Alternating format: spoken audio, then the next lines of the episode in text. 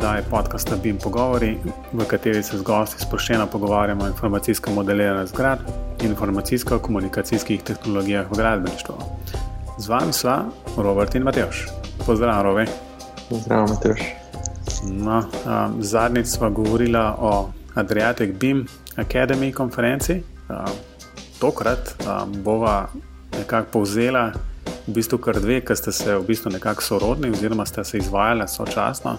Boš ti bolj točno povedal, v kakšnem um, razmerju ste si, ena je Build Academy in pa Build konferenca. Um, Boje je bilo v Ljubljani v tednu od 9. do 13. 10. 2018. Ja, um, No, najprej naj povem, da so spet brez gosta. Ja, to smo glede na to ugotovili. Ja, glede na to, da nam nihče ne piše, potem predvidevamo, da se vam všeč takšne oddaje. In s tem ne morete pomagati. Da je min, ne. Uh, ja, no, prejšnji teden je bil nabit z dogodki, katerih sem se udeležil. V bistvu sem praktično cel teden bil odsoten po teh dogodkih. Vse skupaj se je začelo že v sredo, z dogodkom Build Academy, ki smo ga letos gostili na FGG. Prvotno bil sicer mišljen na, na fakulteti za arhitekturo, pa je bil potem zaradi nekih, nekih okoliščin predstavljen k nam. In jaz moram priznati, da, se, da nisem vedel, kaj naj pričakujem. Jaz osebno te konference nisem poznal, je pa bil ta Build Academy organiziran v okviru konference Build, ki je pa potem potekala od četrtka do sobote na gospodarskem razstavišču v Ljubljani. Um, ampak ne vas to ne zmede, kljub temu, da je bila v Ljubljani, je to v bistvu svetovna konferenca. To ni to je samo lokacijo, neka... spremenijo vsako leto. Ja. No, in to je cikl enih konferenc, to je bila ena, ena konferenca iz cikla Build Europe. Uh, in letos se pač odločil za Ljubljano. Bom potem kasneje povedal, zakaj, pa kako, pa kakšna je zgodovina te konference. Bi se pa najprej ustavil pri, uh, pri Build Academy. Um, zdaj, to je bilo mišljeno, da bodo predavatelji, ki bodo potem sodelovali tudi na, na konferenci oziroma dogodku Build, da bodo nekaj podobnega pripravili tudi za študente. No? In zdaj bom povedal bistveno razliko. Za Build Academy, na katerega so se lahko prijavili samo študenti, je bilo treba plačati kotizacijo v vrednosti 20 evrov. Konferenca Build je imela pa ceno 1770 evrov tako malo za čisto mačkan razlike. Mal, mal, no. mal. Ampak čeprav moram reči, da, da jaz nisem, mislim, to, ko, ko, ko sem pač vedel za to, um, ni bila tista, se mi zdi poanta, zdaj me boš ti popravil, ne, ker si bil na Build Academy. Jaz sem si to predstavil bolj kot workshop, v bistvu del um, Build, build um, konference. Ne. Ja, veš, da sem si jaz isto predstavljal, ampak sem potem na konferenci videl, da so imeli vsakič dva treka, ki sta bila v bistvu tak workshop. Tako da je, bilo, je bila tista konferenca zelo podobna temu, pa delale so se podobne stvari, ampak na malce višjem nivoju. No. Um, no, no, in zdaj, kaj je ta Build Academy? To je v bistvu konferenca za študente, ki je bila zastavljena na tak način, da so se študenti prijavili morajo se prijaviti v skupine, in potem je vsaka izmed teh skupin nekaj počela. No, in kar je bilo meni zanimivo, je, da je bilo že vnaprej določen, kaj bojo, kako se to pravi, key learning objective. Ja, kaj je že cilji, cilji, cilji, cilji um, tega. Ja. Kakšni okay. so cilji tega? No, potekale v angliščini, ker so bili vsi predavatelji tujci. Uh, in Vmes so imeli pa pač te govornike, ki so predstavili vsak, vsak svojo temo. No? In jaz moram reči, da so mi bili vsi trije na bil tak eden zelo všeč. Eden je bil, zdaj moram to najti, en je bil Nathan Hildebrand, ki je govoril o OpenBeamu, uvodu v OpenBeam, pa zakaj je OpenBeam, pa tako naprej. To je en gospod iz Avstralije, zelo dober, zna predstavljati, zelo dobro zna skriti tudi slabosti. Ampak pravi evangelist OpenBeam, no pa naj tudi tako imenim, da je uporabnik Arhikeda. Um, potem drugi govornik je bil tam po kosilu, je bil Daniel, to ne znam izgovoriti, Hurtubajs, ne vem. Um, en gospod, ki je, mislim, da je sicer američan ali kanačan, uh, dela pa zelo veliko z Evropo, predvsem z arhitektom Renzo Piano, italijanskim arhitektom, in je kazal, no, imel je no, predavanje oziroma predstavitev real world BIM, se pravi BIM v, v realnem svetu, pri realnih projektih in je kazal tudi zelo dobre stvari. Pa je pač sam tretjega omenil, prej bom pa malo pokomentiral. No. Je bil pa en gospod Andres Garcia Damjanov, ki je pogovoril o tem, je, kaj je sploh digitalizacija, je to revolucija ali je to evolucija nečesa, kar je bilo. Uh, no, ta, ta zadnji gospod je bil meni res dober. No. To je bil en španc, Um, mislim, da je rekel, da je rojen bil v Boliviji, pa živel v Nemčiji, pa ne vem, kaj vse, ker je očitno že ima take starše. In njegova poanta celega predavanja je bila pa v tem, da je že leta 2006 ali 2010 tam nekje no, začel govoriti o BIM-u in to tako v zelo visokih krogih, krogih uh, gradbene industrije v Španiji. No, in bom povedal pač primer, ki ga je on povedal. Je rekel, da ko je bil star, mislim, da 8 let, bili starši na poti med Francijo in Španijo, in je bil na nekem počivališču in je šel na stranišče sam. In je šel na stranišče, lepo upravo, kar je mogel, in rekel, da je dobro upravo. In potem, in potem je prišel ven in je videl tri gospe, ko so ga gledali. Ne? In je gotovo, da je v ženskem stranišču. In je rekel, da se je počutil, pač, da je sicer naredil vse prav, ne? kot osemletnik je pač šel opravil tisto potrebo, vse je prav naredil, ampak je bil na napačnem mestu v napačnem času. Ne? No, in potem, čez, čez ne vem, koliko 20 let, je imel pa predstavitev Bima v krogu, tako kot bi rekel, zdaj po Sloveniji, gospodarske zbornice, pa inženirske zbornice, kako koli. Eh, in je imel predstavitev v Bimu in je rekel, da ko je končal, je imel čisto isti občutek. Zato, ker je naredil vse prav, naredil najboljš, kar je lahko, res je verjel v to, ampak bil tam na napačnem kraju, na napačnem mestu, ker ga ni nihče razumel. No, in potem je vso zgodbo napletel okrog tega in je pač rekel, da ni čudno, da, pač, da tehnologija je tu, da vse imamo tu, ampak zelo počasi napreduje. Ampak to zato, ker nihče nima interesa, da bi se bim uveljavil. Zato, ker gradbene firme, predvsem v Evropi, delajo dobičke izključno zaradi tega, ker ni transparentnosti. Ne? In da v bistvu uvajanje transparentnosti v nek gradben proces je to, kar ne želijo. No, in jaz sem se, to, te, res sem se zapomnil to poanto, ker dejansko, če pogledam z slovenskega stališča, je to zelo dolgo veljalo. Mislim, da smo to, to svoje, mislim, da enkrat že dosti na začetku podcasta um, nekako tako malo teoretizirala, ravno na, ravno na to temo. In smo nekaj o tem, tem govorili. Tako da je lepo, da, da še kdo drug tako misli. Ja, mora nekdo iz tujine prijeti nam to povedati, mi začnemo na tak način razmišljati. Uh, no, ampak je bilo res, res vedno. In on je tudi rekel, da v bistvu vsa podjetja iščejo dobičke tam, kjer še ni vse znano. Ne? In pač dejansko resno. Tisto drugo, ki pa predstavlja realne projekte, pa predstavlja zelo veliko projektov iz Francije, um, pa nekaj tudi iz Italije in tega dejansko delajo res zelo, zelo komplicirane, kompleksne stvari, uh, ki si jih ne bi mogli pač brez Bima, bi si zelo težko predstavljati. No, čeprav je bilo pa nas nekaj dost primerov kako, kaj, kje, zakaj in podobno. Ne. Ampak zanimivo je, da so istega človeka potem na Bild konferenci vprašali, okay, kako ste pa vi oddali projekt. Ne. In rekel, ja, na papirju, ja, kaj pa pa, mislim. Yeah. Ja. Ne vem, zelo vredno. No. Vmes so pa potekale delavnice, lahko so se odločili, študenti, kam bo šli.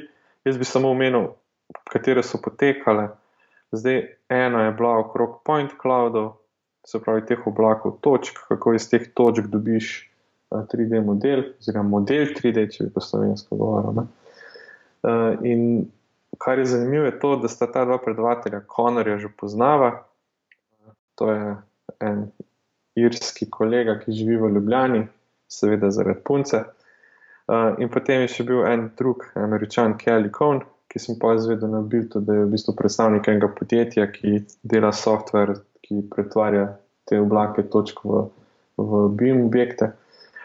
No, in ona dva sta imela pač delavnice, in kar sta naredila, sta naredila to, da sta šla pa sta žale posnela. Ti portal na žalah, glavni, in so potem ti portal pretvarjali v BIM, kar je bilo kar kulno. Sicer jim ga ni uspelo, ampak zelo velik stopal. Um, potem je bil nekaj o computational designu, to, to so govorili predvsem o Dynamu, kako je z njim. Uh, pa potem je bil Clash Detection v BIM-u, tudi to so predstavljali. Uh, bilo je en, en cel trek, oziroma ena cela delavnica, bila okrog teh BIM execution planov, ki je imela ena gospa iz Italije, uh, zakaj, kako, kje, ali so pomembni ali niso. Potem en je bil Open BIM, ki ga je imel ta govornik Nathan Hildebrand, pa je pa še en je bil pa nek multiplatform workflows. Tam so pa v bistvu morali nekaj so morali zastaviti, neki problem so imeli, pa, pa so morali pač se odločiti, kako bi ga rešili. No? Um, zdaj, kaj bi jaz rekel, dogodek je bil zelo lepo organiziran, študentov je bilo veliko, mislim, da je bilo 71 udeležencev ali 73, ne vem, od tega je bilo 61 študentov. Kar me zelo veseli, je to, da je bilo zelo veliko študentov iz naše fakultete kar me zelo žalosti, je to, da je bil, mislim, da en iz strojne, pa en ali dva iz arhitekture. Um, to je bilo moje tako. No. Je bilo pa zelo veliko tujih študentov, ker so jih pripeljali tudi iz tega, um, iz tega vem, združenja Autodesk Academy. Aha. No, to, to, to, je bilo, to je bilo moje naslednje vprašanje, v bistvu, koliko dejansko študentov je sploh bilo. Ampak 70 je lepa številka. No? Ne, okoli 60 je bilo, 70 je bilo še pa zgovorno. Okay. Pa, pa, recimo, Ampak, jaz sem bil tam. Okay. Ampak, glej, šest rekal, v bistvu, tako da, da se je dal tudi najbrž tam, tudi kaj konkretnega narediti. Ja, so naredili. Mislim, kot sem govoril potem s študenti, tudi po zaključku, so bili vsi zelo zadovoljni. Da so se odrežili, ker so bili tudi en drugačen pristop na drugo perspektivo, so dobili tako da super. No? Čeprav sem bil najprej skeptičen do tega dogodka, ampak na koncu je res zelo dobro izpadlo. Fino. Super. To, to je bilo kaj, en, enodnevna zadeva. Um, ja, to je bila enodnevna zadeva od jutra do večera, zaključi se tam okrog sedmih. Mislim, če zdaj, zdaj, zdaj malo to, kakšno idejo navrževa, v bistvu nekaj tazga kot, ok, um, bi, kale, tale, bimatlon, to sicer ni, ne? ampak lahko pa bi tudi nekaj tasga bilo. Ne? Lahko bi bilo nekaj takega, in tudi na tem Build Academy je bilo najprej mišljeno, da bodo primerjali izdelke med sabo uh, in bo neka tekmovanje, in bo na koncu glavni, ne vem, kaj je bila nagrada, udeležba na konferenci. Ampak so si pa premislili, da dejansko tega se res ni dal primerjati, no? ker to so pač čisto različne stvari. Uh, in potem ni bilo tega tekmovanja, kar se meni dejansko zdi super, no? da ga ni bilo. Ja, bi pa še omenil, kak je bil slogan tega dogodka. To je bil Beam is not fake news. ja, predvsej, predvsej dobro. Ali pa kaže, kaže nek um, datumsko, um, kdaj je bila ta zadeva zastavljena. Ne? Točno to, pa, pa v bistvu so smerokazi narejeni iz nekih narobe obrnjenih rib kar so potem na konferenci rekli, ja, da to je tako, kot daš mladim delati marketing. Ne vem, sicer tam imajo ribe, pa fake news z bimom, ampak očitno že kaj. Dobro.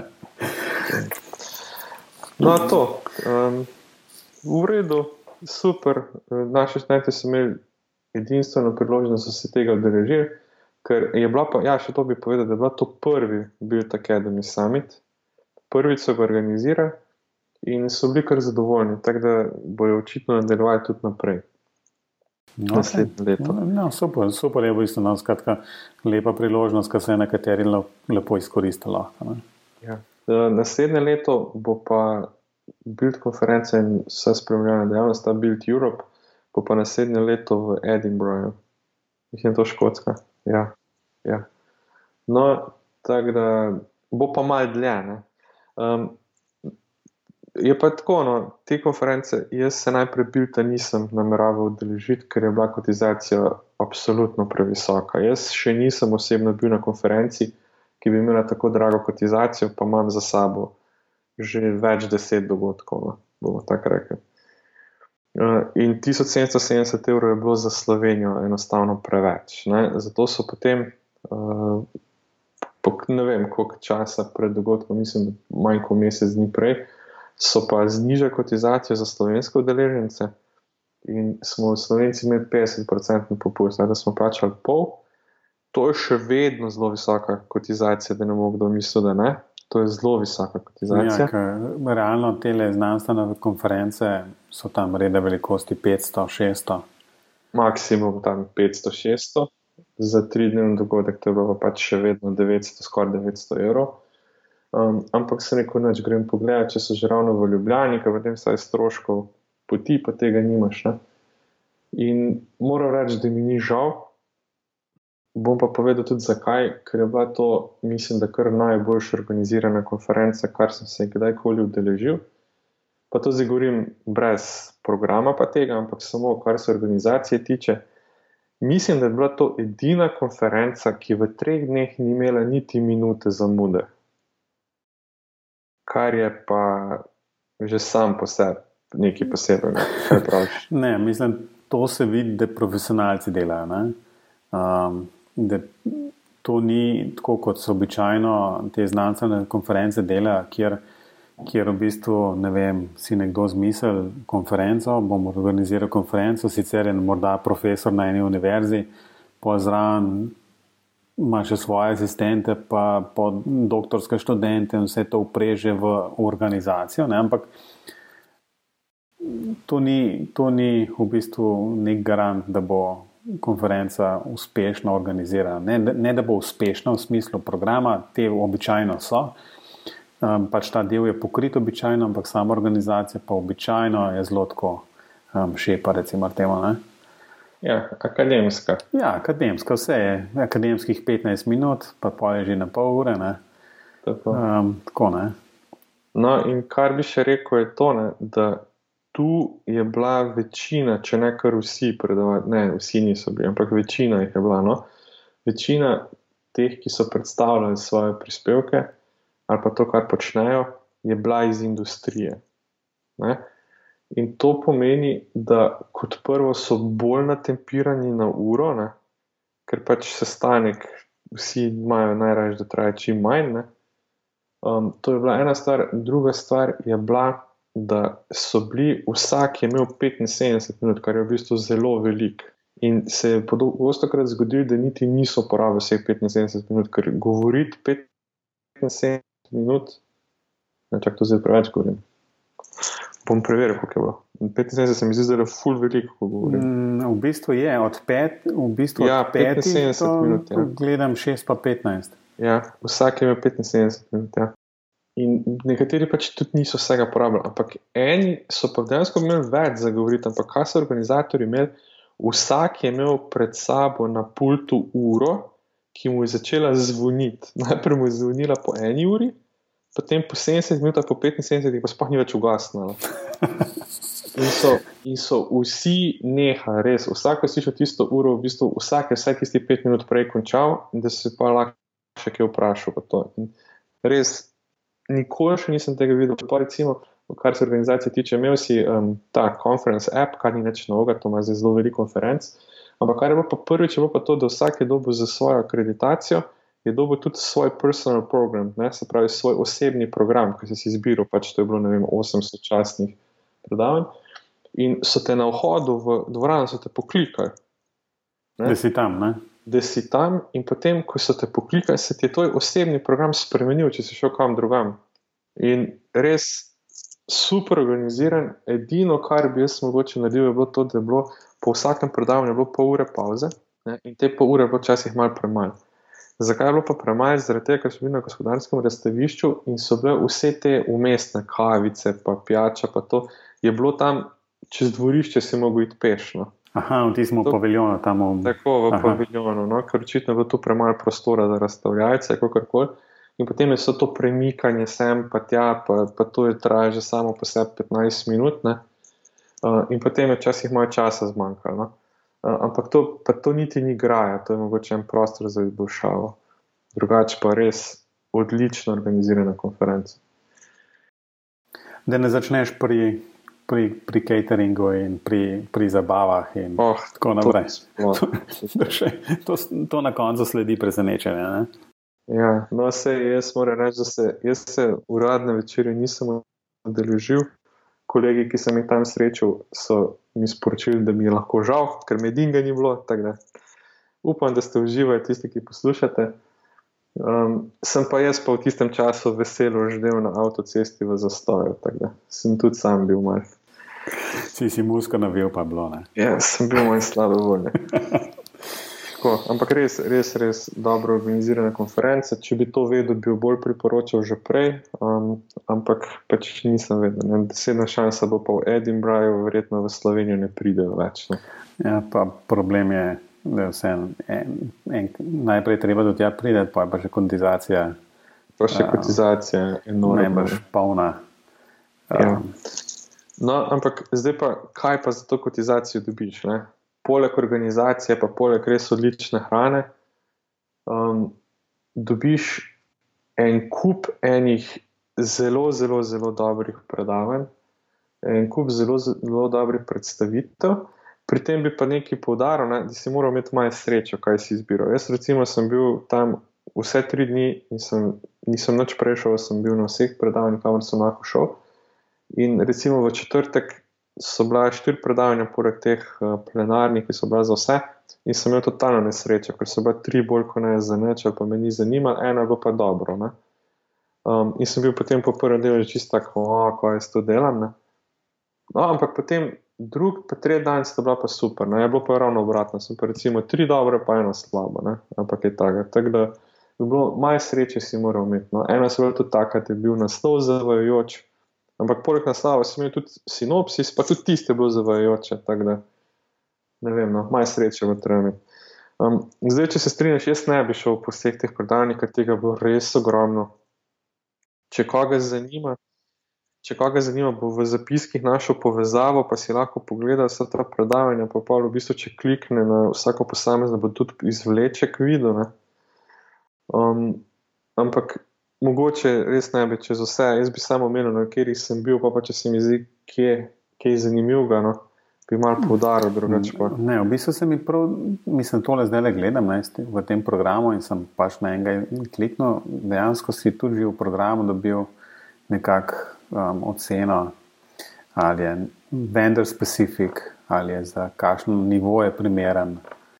Ja, Ampak to je bilo včasih malo zelo. Ja, no, sej, verjamem. Ja. Ja, je bilo možno kako ocent um, predavanja sama na koncu? Seveda, vsako predavanje si prek aplikacije ocenil in to in stališče govornika, in stališče materijalov, ki si jih dobil. Gre pa za to, da je večina teh, ki so bili udeleženi, pa predstavljali, je povabljenih vsako leto. Ne? In potem povabijo pač najboljše zmere. Najboljše, tiste slabe, pa ne več. Ne? Kar je malo logično, glede na to, da je to draga kotizacija, da pač izbirajo kvaliteto. Ne? Ok, neč tako narediva, kot si predlagal. V bistvu ne, ne po vseh, ampak v bistvu mogoče, mogoče predvsem to, da poslušalcem podaš v, bistvu v globalu, komu je namenjeno, oziroma kaj, kaj se sploh tam dogajalo. No? Ampak se si že povedal, da je bilo pač večina teh predavateljev iz industrije, pa se, mislim, da je že delno, delno odgovorjena tudi na to vprašanje.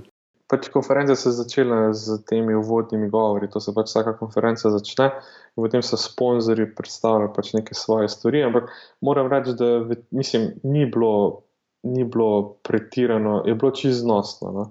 Ker ene, ene te sponzorske predstavitve so res grozne, ne? da bi kar ušel.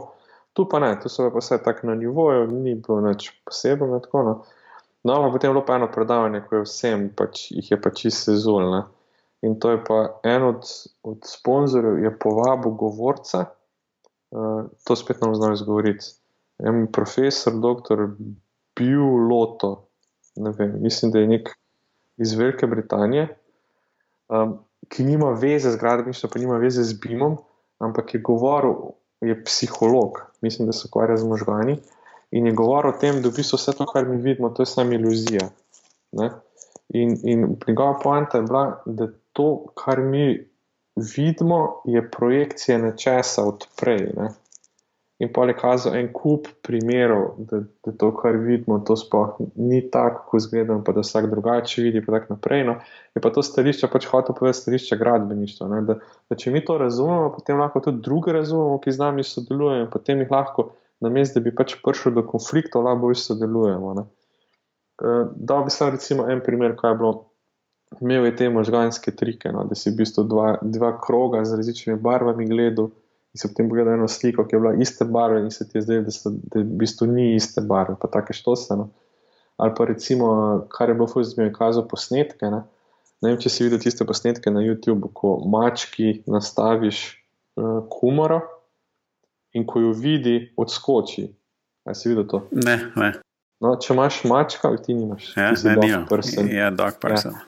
No, če imaš mačka in mu tako nastaviš kumor, da jo ne vidi, no, in potem, ko jo opazi, bo odskočil. No, in to zaradi tega, ker je v evoluciji se kač bal, ne? mačke so se kač bale. In možgani v tistem delčku sekunde, vi, mislim, vejo, da ni kača, ampak je podobno kači in vse za vsak slučaj odskoči. No, in tako smo tudi ljudje naravnani. No. Ali pa še en primer je bil Fuldober, je pokazal eno tekmo ameriškega nogometa ker so bile dve ekipi, ker to je bilo to, da v bistvu možgani reagirajo na to, kako drugi delujejo. Ne? In je bilo več tisto, imajo, kaj je ne klinč, ti sprejno, ko, ko žogo, si, žogo nazaj poda podajalcu, one naprej vrže pa to. No?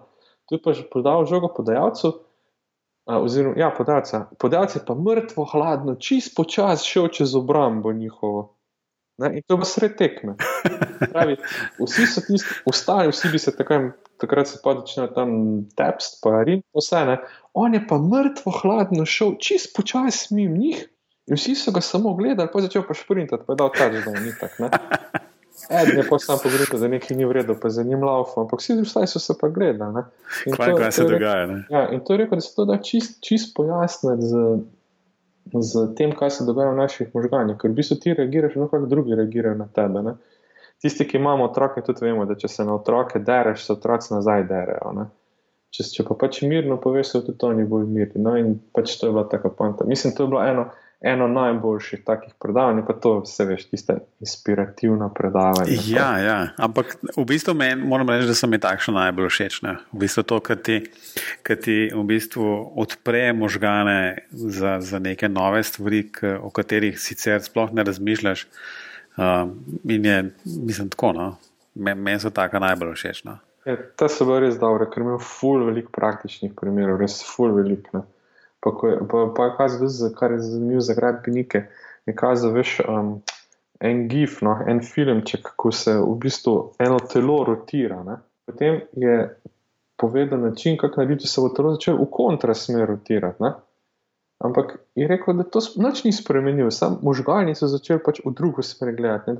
To je bila tista part, think differently. Veš, ampak rekel, no, da vam pa še tretja stvar povem, to telo se sploh ne rotira, to se samo slikice menjujejo. Ali pa veš, kaj je tudi fora? Ena fora je bila, je, je zvok je spuščal ne? in je spustil zvok. In je rekel, ok, zdaj pa tole slišite, to, tole boste slišali. Pa je spustil zvok in si to slišal. Ne, rekel, no, zato pa to slišim. Spustil zvok in si tisto drugo stvar slišal. Rekel, no, lahko mi verjamete, da je to bil isti zvok. Veš, to je ista fora kot prej, ne? pač pričakuješ nekaj. Um, no, in isto pa ne rečeš z enim drugim zvokom, pa rekel, se to sliši. Jaz sem rekel, ja, rekel, rekel no, tega definitivno noter ni. Rekel, zdaj bom pa to v pravo smer zavrtel, je pa ena od Queenov pesem. Aha, ja, razumem. Ja. Tako, no, tako res, res dobro predavanje. Zdaj že govorim pet minut o njem, ampak pol veste, da je bilo vredno. Ne? Tudi tako smo se pogovarjali z ostalimi, je tudi vsem je to ostalo spominom. Je pa drugačen ten človek, ki ima zdaj dva start-upa, ki se večinoma ukvarjata z augmented reality. No, potem so se pa začela, so se pa začela ta. Ti sešni, no? in pa tudi, sem pač kam si šel. Jaz zdaj ne bom vse, kam sem šel, jaz sem imel pač tukaj fulne srečo. Um, je prvo predavanje moje bilo tako, da, da sta bila dva mlada, en je bil menedžer iz Avstralije, pa iz iste firme, bil menedžerka, v bistvu francozinja, ki dela v Angliji, in pa sta pretiravala v tem, da bi pač bila drugačna kot drugi, in kolege kocke smo ga sestavljali, pa ne vem kaj vse. Um, pa zelo veliko sta imela teh anket, veš, ki imaš te splet, spletne servise, da pač odgovarjaš prek telefona in je bilo tega pač preveč. Sploh ne vem, kaj je bilo poanta tega predavanja, v bistvu, tako da niti ne bom imenoval, kdo je to, bilo, kdo je to bil. Um, pol so bila naprej, jaz sem pa imel neki, sem šel na eno predavanje, kako povežeš pač 3D za 4D, pa 5D, malo teorije, pa študij primerov. Zelo zanimivo, kako delajo v Avstraliji. Je bil pa en gospod, ki je v bistvu pol zaposlen na eni univerzi, pa drugače v industriji pa predstavo, pač, kaj počnejo, pa to res, res zanimive stvari. No. Je pa mi tudi zanimivo, da je bil to en starejši gospod, pa se s tem ukvarja, pa rekel, da mlajši kolegi pa niso tako navdušeni. No. Tako zmeri, verjetno. No. Ja, um, potem, kaj je bilo potem? Ja, potem sem šel pa na to, kako iz gisov dobiš podatke v BIM preko Dynama. Eno predanje, ko je zelo veliko obeta, ampak to je pa toliko telovadbe, da. Ni vreden. A to, mislim, kaj ta telovadba okoli Dynama, v bistvu, da, da je to čez Dynama naredilo, ali je bilo lažje poklikati? Ma vse živo, mislim, to je toliko čaro. Pa potem je on je hotel pokazati to z podatki Slovenije, ne? to, kar ima naš Gurs, pa vse to, kar je na voljo, ampak itak ni mogo. Ampak on je potem tudi to, zato, ker imamo mi to preveč zaprto, ampak v bistvu ni znano. No? Tam bo treba dobiti neke, neke autentikacijske, ne vem kaj, in to v Dynamo ni znal. In potem sem naslednji nekaj gotovo, da zaradi tega, ker to Dynamo niti ne podpira, da bi mogel v Pythonu narediti, pa pač tako. No? Mislim, vse se zelo potrudil, imel je zelo velik narejen, ker on je bil nizozemc za nizozemsko imel vse narejen, je pač samo lokacijo vnesel in dobro noter vse, zemljevide, vse, kar pač lahko na nizozemskem dobiš, kar je super, ne? ampak po mojem je to par let razvijal, pa to ni aplikativno na vsako državo. No? Ja, oni imajo recimo tam noter tudi podatke, da dobiš kar lepo ven prek enega spletnega, spletnega apija, dobiš podatke noter, ne vem, za koliko so se hiše tam okrog prodajale, pa take, ne. To, to pri nas pač ni tako. Neko gre sicer to pri njih po GDPR-ju skozi, ampak ok. Mogoče so bolj fleksibilni kot tega, veš. Uh, to, to mi je vse, vse kar čisto zlato vzamemo. To je najverjetneje res, ampak ne vem. Ne vem. No, pa sem šel pa še na eno, je bil pa neki o izmenjavi podatkov z arhikedom, no to je bil pa tisti gospod, o katerem sem govoril že prejšnji dan, je tisti David Dragado Vendrel. Aha, ok. To je to predavanje, pa ni. Zanimivo, to, kar sem že zadnjič ugotovila, da, da pri tebi ni prišel do tistega dela, ki ga vlada, oziroma ki mu leži. Tako, ali pa se ni sprostil, ne vem. Ja, se pravi, ta DDV ni dober sedaj. ampak moš pa reči, da ima dobro ime. Ampak, to, je, ampak to, to pride iz njegovega imena. Ne? Ja, ja, ja seveda. Pesej, verjetno ni to izbral zaradi tega, ker je vedel, da bo enkrat v Sloveniji na konferenci. Da je prišne. Ja, no. V redu, no in to je bil konec potem četrtkovega dela. Potem je bil se pa petek začel, um, je pa spet pač neki, neki kar se tiče sponzorjev, pa to no. Um, potem so pa začeli govoriti o, kar je bilo malo zanimivo, no, o blockchainu. Je bil pa en gospod, ki dela v, v Veliki Britaniji za nekaj, kar imajo oni, vse ne vem, Future, ne vem, neki. Prav eno organizacijo imajo, ki gleda za 15 let naprej, kaj bojo trendi v industriji. No, in to je bil en gospod od tam. In je pa v bistvu najboljši od vse, kar sem jaz slišal, razložil blockchain na najbolj človeški način, ampak je pa čist preveč optimistično govoril o njem. No bomo tako rekli. Ampak se pravi, zanimivo bilo zaslišati. Kot, kot blockchain, kot aplikacija, um, v bistvu kot v gradbeništvu. V gradbeništvu. Kaj za podpisovanje, pošiljanje, sledenje. Nima, nima še tako razdeljen, točno zakaj bi se uporabljal, ampak je pa velik potencial. Mislim, vse veš, kak so ti bazvordi v Te, te potencijali mi grejo na živce, v bistvu, ker vse nek potencijal. No, ampak što se bolj o tem, zdaj so začeli res govoriti o tem, kar se mi zdi, da je bistveno, no, o zaupanju. Um, in da blockchain bi naj uvedel zaupanje v tiste konzorcije, ker tega zaupanja ni. Ampak je bila pa itak že debata, da to ni zaupanje, ampak to je transparentnost. In potem smo spet pri tem, da transparentnost pa v bistvu ni dobra, pa se veš. Pač. No. V glavnem, se pravi, zanimiv, res, res lepo je predstavil blockchain. No, potem naslednje predavanje je bilo pa meni eno najboljših tu, no, pa sicer nima direktne veze z BIM-om, ampak eni ljudje iz, se zdaj vidim, Perkins and Will, To je eno zelo, zelo veliko gradbeno podjetje, ameriško, pa v Londonu imajo pisarne, pa ne vem, kje vseeno. No, oni imajo 15 tisoč zaposlenih in so pred desetimi leti, mislim, da šli iz delovnih postaj na delovne postaje, ki jim oni rečejo Cloud Station, se pravi Cloud Station na mestu Workstation. Kar pomeni, da na mestu, da bi vsakmu zaposlenemu kupil nek zmogljiv računalnik, na katerem bi lahko Revit, pa ne vem, kaj se poganja, so to prenesli na strežnike. Ampak ne tako, kot se danes dela, da imaš ti neke močne strežnike, na katerih poganja vsak svojo virtualno mašino. Ne?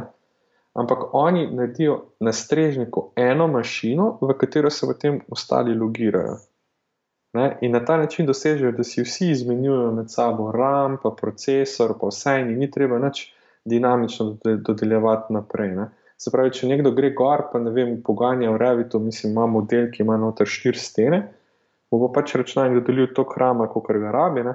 nekdo drug dela pa nek render, mu ga pa več dodeli. In, in je kazal, recimo, bom dal en primer. No? Tisti, ki poganjate Revit, veste, da na že to odpret model na enem laptopu je to kar malo hudono. Um, nekateri imajo zdaj te res zmogljive gaming računalnike, zato da te modele vrtijo. On je pa v kleti gospodarskega razstavišča, kjer mu ni delo internet, ker je pač bilo preveč ljudi, gor, je naredil, pa ste američan v Sloveniji, je naredil s telefonom hotspot in se je z navadnim Lenovo računalnikom 14 inčem, noč od noč, tako za 400 evrov, povezal na hotspot se je povezal na računalnik v Ameriki in je vrtel Revit model gor. Halo? A si predstavljaš? Um, v bistvu ne. Ja, no, sej, to je pač tako znanstvena fantastika. Ne? In je rekel, da v bistvu rabi 120 kilobajtov povezavo ja. in lahko dela čisto vse brez zatikanja. Nobenega lega in nič. In na drugi strani imajo pa pač neke več procesorske strežnike, nič kaj posebnega. No? Tak, mislim, da imajo okay, 160 gigarama. Pomenu je, da imajo vse, vsi ti strežniki, imajo noter Nvidia Quadro grafične kartice, zato ker podpirajo OpenGL gonilnike, da pa to dela prek remote desktopa. Okay. Pa SSD imajo noter pa to. No. In potem imajo tako narejen, zdaj imajo itak cel sistem, ker so vse pisarne, vseh tistih 15 tisoč zaposlenih so zdaj prenesli na ta način dela. In v bistvu vsak strežnik ima gor maksimalno 18 uporabnikov, se lahko prijavi s tem, da jih pač pustijo samo 12. Ne? In to pa zaradi tega, ker če jim en odpove, jih potem ostalih šest prerasporedijo, tako veš, no, no, do maksimuma. Na ostale, ne? Ja, da potem on ga popravijo. Um, in rekli, da to tako dobro funkcionira, da zdaj, ko pridejo zaposleni k njim, imajo možnost samo med dvema prenosnikoma izbirati. In to karkoli počnejo, če renderje delajo, karkoli počnejo, zato ker zunaj un prenosnik je samo terminal do serverja ne? in vse ostalo se na serverju izvaja. Kar mi je zanimivo, pa to, no, da imajo na svojih prenosnikih, imajo poleg Windowsa nameščen samo Office. Še. Office imajo pa na svojih računalnikih, pa sem ga pa zakaj, ne, če prej razlagal vse te prednosti, da sam en računalnik zdržuje. Pa to, no, je pa rekel, da zaradi tega vse, da, da pustijo drugim, ko pa dansko rabijo RAM pa procesor, da jih ne obremenjujejo tistih računalnikov s tem. Ne. In to mi je bilo tako tisto, ko si pomisliš, pa zakaj se to ni noben drug spomnil. No? Ja, v bistvu, vse veš, ko smo se tukaj na faksu pogovarjali, pa za učilnice, pa bi naredili virtualne mašine, pa ni da ni. Ampak uh, konc vidiš, da obstaja tudi ena čist druga pot. Ne?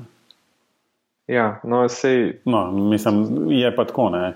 Tiste mašine, ki mi dva sicer rečeva, da niso neki, ne, ampak najbrž tudi ta, naj, ta najcenejši, ne vem, zimen procesor tudi ne bo poganjal 8 ali pa ne vem, 10 ljudi, ki bojo renderirali kaj gor. Ne, se pa je tako meni, da za, za renderiranje imajo zdaj namenske strežnike in tam gor se lahko samo eden prijavi. Ah, okay. Zato, da, ker, ker so v bistvu ugotovili, da tisti, ki so renderirali na istih serverjih, potem drugi niso mogli več početi. Ja, ker ti pač uporabijo vse, kar ima. Ampak ja, da so totalno zadovoljni in da imajo ljudje. Je rekel, da je pač eno pisarno in enkrat se je nekaj zgodilo, so prenavljali ne vem kaj vse. In so se ljudje remotili na mestu v Chicagu, ker so bili v Chicagu, so se povezali v Seattle in da je to bilo sedem mesecev, ni bilo nobenih problemov. Ne. In da se tudi take stvari, da, da je en en človek je šel iz Chicaga na konferenco nekom v Evropo, pa na tem interkontinental flightu vmes zrenderiral si slike, da jih je tam pokazal. Zato, ker pač ne, ne, ne, ne, ne ja, to, to, to, gre, to gre dejansko vse v smeri v bistvu nekih takih bolj odprtih pisarn in um, v bistvu pisarn, kjer nima vsak zaposlen dejansko svoje mize. Um, yeah, ja, yeah. Ja. Dejansko si pač mobilen, konstantno. Pač postaviš, kjer ti danes paš, ali si to v tem bližnjem, bližnjem kafiču, ali pa v bistvu nekje za svojo, kao svojo mizo. Um, tako da, ja. No, ampak sej, oni so rekli, da so dejansko potem preverjali tudi stroškovno, ne? ker itak morajo vse vrednoti stroškovno, in da so gotovili, da jih prije to veliko, veliko cenejš, kot jih je prej. Zato, ker če bi kupovali vsem tako zmogljive računalnike, kot bi jih potrebovali, potem bi prišel približno dvakrat več. So pa rekli, da en tak strežnik, ki lahko servira 18 uporabnikom, njih, njih stal okrog 15 tisoč dolarjev. Okay. Zdaj, pa, če 18 računalnikov veš, da mora biti vsaj po 1000 evrov, da je nekaj približno spodobnega, pa že tako viš, da si čest. Ma, sigurno. Tako da ne vem, jaz, ne vem, jaz sem bil res navdušen nad, nad to idejo. No. No, da gremo naprej, da imamo predloga. Pojem sem šel celo na en laboratorij, tam, kjer so dejansko jih učili, in sicer je bil Python v Revitu. Ampak sem nažalost zelo napačen, ker sem šel na čist tist, ko so se začeli učiti Python. In nisem niti prišel do tega, da, da, da bi bil v Revitu. Tem Revit pokazal, sem potem prebral, no, izvlečka pa to in tudi s tem gospodom sem govoril že prej, zato sem sploh šel na to predavanje prej sem bil nekaj druga prijavljen. Um, pa nisem dobil računalnika, no, to je bilo to.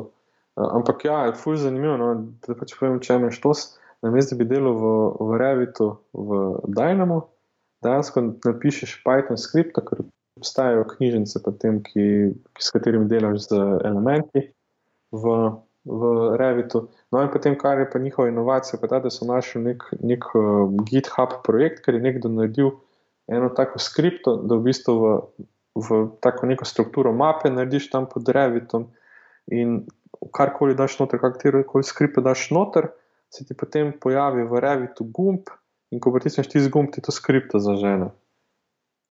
A veš. Da so full hitri, no, in da je full hitri delo. No, in on, recimo, se predstavlja kot BIM manager, ampak v pogovoru z njim sem pa gotovo, da vse, kar je dela, je to, da hodi okrog in te skripte piše. Kar ni ravno pol, bi menedžer, ampak ok. Se pravi, fuj zanimivo. No? Cool, ampak v bistvu pri vsem tem me, me tako no? Um, preseneča, kako Python si utira pot v vse te programe. Od, od Alplana do, do Revita, zdaj slišim.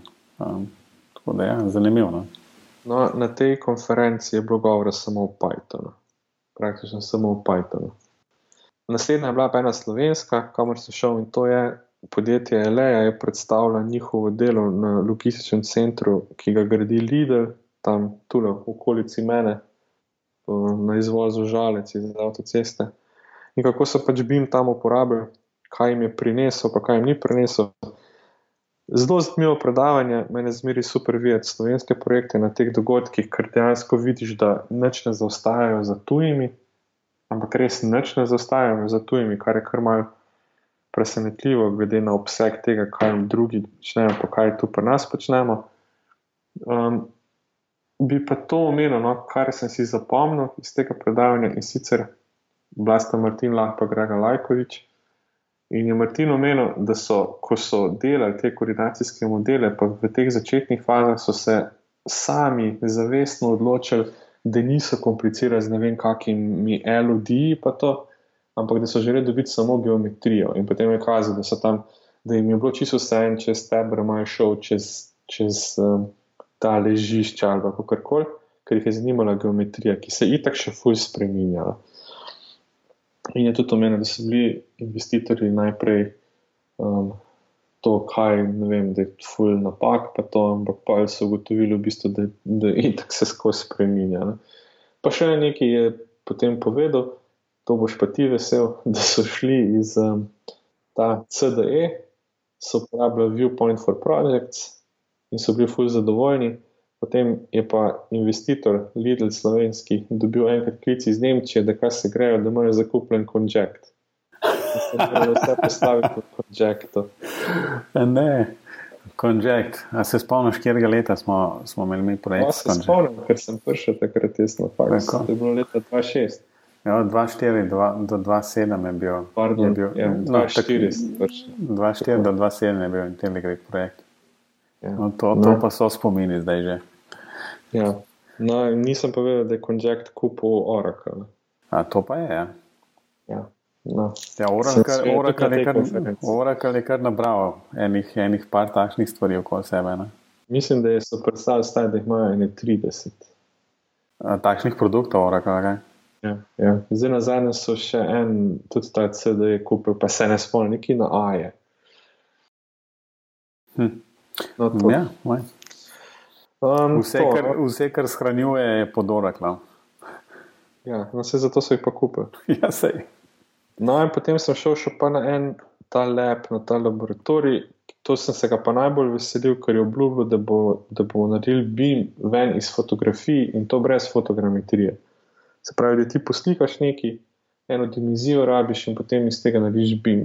No, in potem, ko sem pa to videl, kako ne, mi je bilo pa malo žal. Kako si pa? ja, to Kaj, so, so, so vzeli podlago, pa, pa začeli.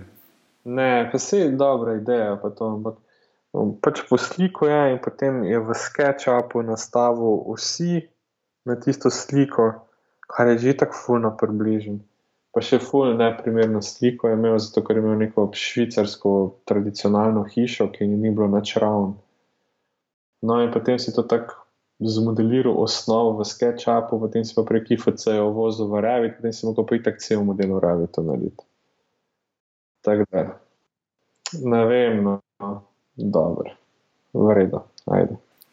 V redu, ne? Bilo je nekaj novega, ampak je bilo čist nekaj drugega, kar sem jaz pričakoval. No, to je bilo vse, potem za petek. Dan se je zaključil z nečim, kar so oni ponovili Build Friday Fun Fair, se pravi nek sejem in je bilo odlično. Pom pa sem pri tem, ne pri tem ostane. Jaz bom rekel, da sem bil slabe volje zaradi tega, ampak dobro. Ja, pa, pa Matej že ni bil na konferenci, da boste vedeli. Ja, no, to. Uh, no, potem je pa še sobota, ne? tako da boste vedeli, poslušalci, da delamo za vas tudi med vikendi. Sem, sem si lepo poslal, kakšno fotko na Facebook. Lepo. Ja, tako da tisti, ki niste še na Facebooku, lahko greste pogledat. Um, no, v soboto se pa začel, je začel na, tudi naj kolega, že bil tudi gost na podkastu Peter Dragovič iz IBE, ki je predstavil uporabo BIM-a na hidroelektrarnah. Zelo zanimivo. No? In moram reči, da, da so zelo veliko naredili v tej smeri, vse probleme uspešno rešujejo, tako da super. Mi je pa tudi zanimivo, da je kazal, kako se rešujejo, ne vem, kako zmodelirati v Revitu neko cel, ki je pač imela prostorski, prišla po prostorski krivulji. Ne? In je predstavil v bistvu isto rešitev, kot je v tem malce kasneje predstavil nekdo, ki je pa tako pravijo, nek guru Dynama v tem BIM svetu in je predstavil isto rešitev, s tem, da je pač Petrov rešitev bila še malo bolj splošna. Kot, kot pravim, naša projektivna podjetja zelo malo ali pa nič ne zaostajajo za tujino. No? Če se bo kdaj sprašal, koliko je kaj znanja v Sloveniji. Um, no, takoj, takoj za, za Petrom je imel predavanje ta BIM guru, ki je, mislim, da je nek, kako se to zgodi, Joe Steinberger Olsen, ki je govoril, aha, okay, ja. ki je govoril iz Sveka, Sveko Norvej, Norveška, eno večjih evropskih podjetij. No, on je pa govoril o kakšnem računalniškem razmišljanju v infrastrukturnih projektih. In je kazal, kako so, kako so nek, neka taka pohodniška pot, nekje tam v enem mestu na Norveškem, je bilo treba zmodelirati in kako je to naredil. In je v bistvu bil zelo podoben problem, kot ga je rešil Peter s tisto cevjo. In se pravi, zelo vredno. No. To, no, zadnje predavanje, na katerega sem pa šel, je bilo pa na stolu bil. Wet Infrastructure Collaborative Workflows. Imela sta ga dva američana, uh, sta pa kazala, no, kakšne so njihove, kak, kako delajo, pa njihovo delo na panamskem prekopu, tam so bili deleženi. Se pravi, to so ena take razsežnosti, ki si mi sploh ne predstavljamo. No. Uh, zanimivo, no, čeprav en od teh dveh predavateljev je bil kitajskega porekla in se ga ni prav več razumel. No. Ampak drugače pa ok. Tako. No, in to je bil potem konc teh sekcijskih predavanj, uh, potem so bili pa pač zaključki. Uh, en, en od teh, ki pač zaključi konference, je tudi Oracle. Pa potem je bil pač ta um, zaključek konference, ker so malo zgodovini konference, povedal pa kaj bo naprej. Tako da tu bi povedal, no, ko si prej omenil, kako je ta konferenca sploh nastala. Bil to časih ni bil bil, ampak bil RTC konference in to je pomenil Revit Technology Conference. Nastale pa iz tega, da so uporabniki Revita v Avstraliji, si misliš, v Avstraliji, ustanovili nek spletni forum, kjer so izmenjavali izkušnje, in potem je ta forum prerastel v nek trodnevni dogodek, ker so šli pač tako kot nek um, team building. Pa to moram podariti, to so bili iz različnih podjetij, ne? pač neka skupnost je naredila. Uh, in so potem šli na, pač za nek vikend, nekaj, da so imeli super, in so z tega konference. In to je bila RTC konferenca.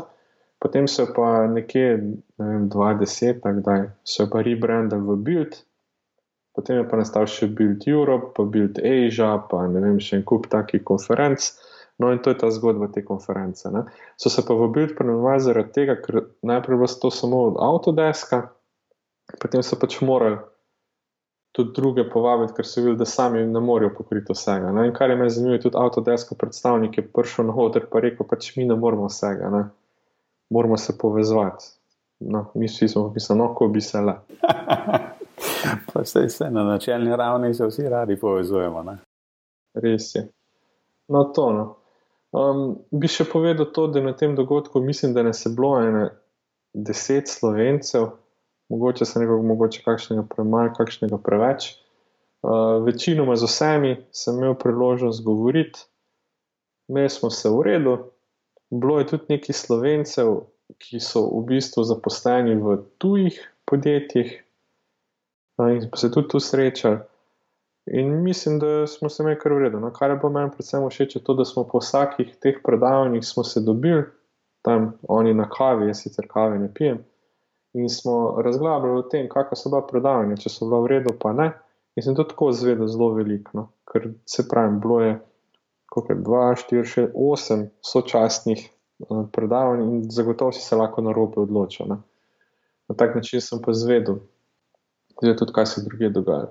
Bili smo pa iz Slovenije, smo bili, ne vem, kot sem že omenil, iz IBE, iz, iz IBE, iz LE, potem so bili iz DRI, bili so iz stanovanskega sklada, potem so bili še, hm, zdaj pa še ne spomnim kdo je še bil. No, bili so še eni predstavniki softvera, eno podjetje iz Dublana, ko vem, da se podjetje reče, ne, da imajo nek plugin za SketchUp, ko se reče modular. Se upravičujem, ker se zdaj ne spomnim, kako se podjetje reče. Um, pa tudi slovenci so v podjetju iConstruct, ki dela pa plugine za Navisworks. Tako da vse te sem srečal. No. Um, pa bili so tudi eni gosti iz Hrvaške, pa iz Srbije. Tako da je bilo, je bilo prav fino. No. Lepo, skratka, slišiš se zelo navdušen. No?